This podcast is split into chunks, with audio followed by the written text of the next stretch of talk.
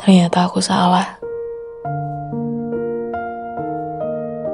Aku kira bertepuk sebelah tangan adalah yang paling menyakitkan. Dan kini aku baru tersadar. Yang terlambat datang, yang terlewatkan adalah sesakit-sakitnya cerita cinta.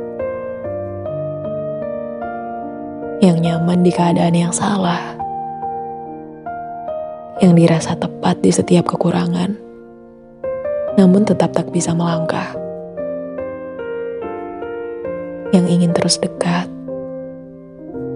Namun selalu terhenti di batas senyuman. Yang diam-diam saling mencuri-curi kesempatan untuk lebih lama bersama yang sama-sama menaruh rasa, tapi sama-sama tak bisa ke mana-mana. Seakan kalian dipertemukan memang untuk dipisahkan.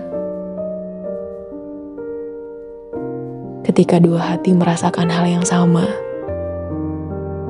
tapi rasanya berjuang sekuat apa pun, tak pernah membawa cerita itu ke tempat yang lebih istimewa. Cintamu percuma, nyamanmu berbatas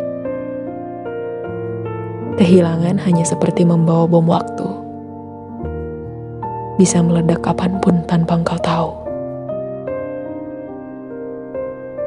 Kemudian di akhir cerita, kau dipaksa harus menerima